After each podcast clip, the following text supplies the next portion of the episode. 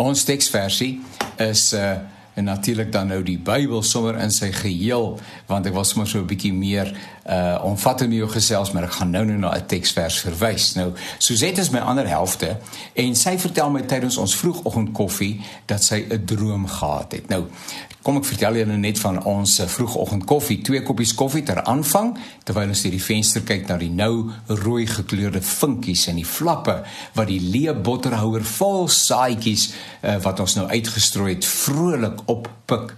Die loeries en die houtkappertjies geniet die appel wat in twee helftes op spykertjies staan gemaak word. En wanneer die saad gestrooi is en ek na binne skeer, dan swiep 'n groot hoeveelheid voëls van bo uit die groot bome agter in ons tuin tot op die sementplatform waar hulle aansit vir ontbyt. En dan word die ketel volgemaak. Dis nou die derde koppie koffie wat aan die orde kom. En dis nou my werk. En dan word die koppie aangevul. Dis nou haar werk. En dan gaan geniet ons die derde koppie koffie voordat ons saam bid en elke kind en kleinkind by die naam aan die Here opdra. Ag, dit is 'n wonderlike tyd van die dag.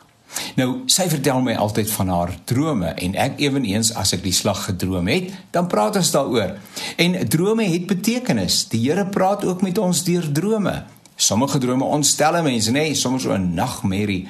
Ander drome laat 'n mens sprakeloos. Dit is amper 'n fantasie wêreld wat jy beleef in jou droom. En ander drome bemoedig en gee perspektief. Nou in haar droom gee iemand sonder vertoon of verduideliking vir haar 'n pakkie. En in die pakkie is Sagaria 2 vers 5. Dis al. Hy gee dood gewoon en wat hy gee is Sagaria 2 vers 5. En wat staan daar? Die Here sê: Ek sal 'n muur van vuur rondom die stad wees. My magtige teenwoordigheid sal binne in hom wees.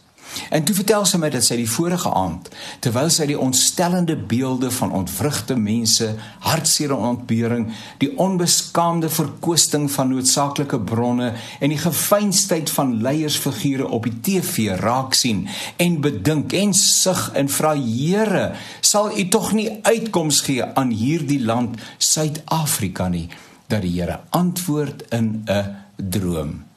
Die Here sê, Sagaria 2 vers 5 Ek sal 'n muur van vuur rondom die stad, rondom die land wees. My magtige teenwoordigheid sal binne in hom wees. Wat beteken die teksvers? Wel op die minste troos in die wete dat wat gebeur nie by God verbygaan nie. Dat hy die versigtiging van sy kinders hoor, dat hy hom aan die lotgevalle van sy mense steur. Mag die Here ook vir jou bemoedig wanneer jy na die nuus kyk, wanneer jy luister na die praatjies rondom die braaivleisvuur, wanneer jou eie gemoed ontstel raak oor dit wat in ons eie omgewing aan die gebeur is.